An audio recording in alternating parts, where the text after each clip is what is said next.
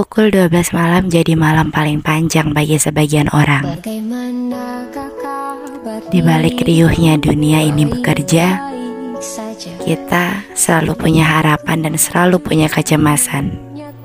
Tepat di pukul 12 malam. 12 malam jadi hal-hal yang sebenarnya tidak pernah ingin kita lewati. Tidak pernah ingin kita rasakan tidak pernah ingin kita pikirkan. Tapi kita sadar ada banyak hal yang di luar kendali, terus-terusan datang tiba-tiba. Overthinking itu tidak jahat.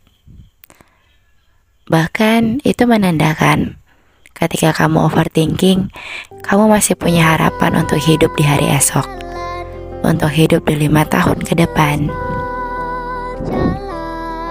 Itu menandakan kalau kamu tidak hopeless dengan harapan.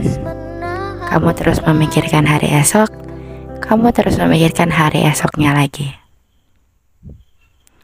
Kamu terus-terusan memikirkan banyak hal. Tapi tidak sebanyak itu.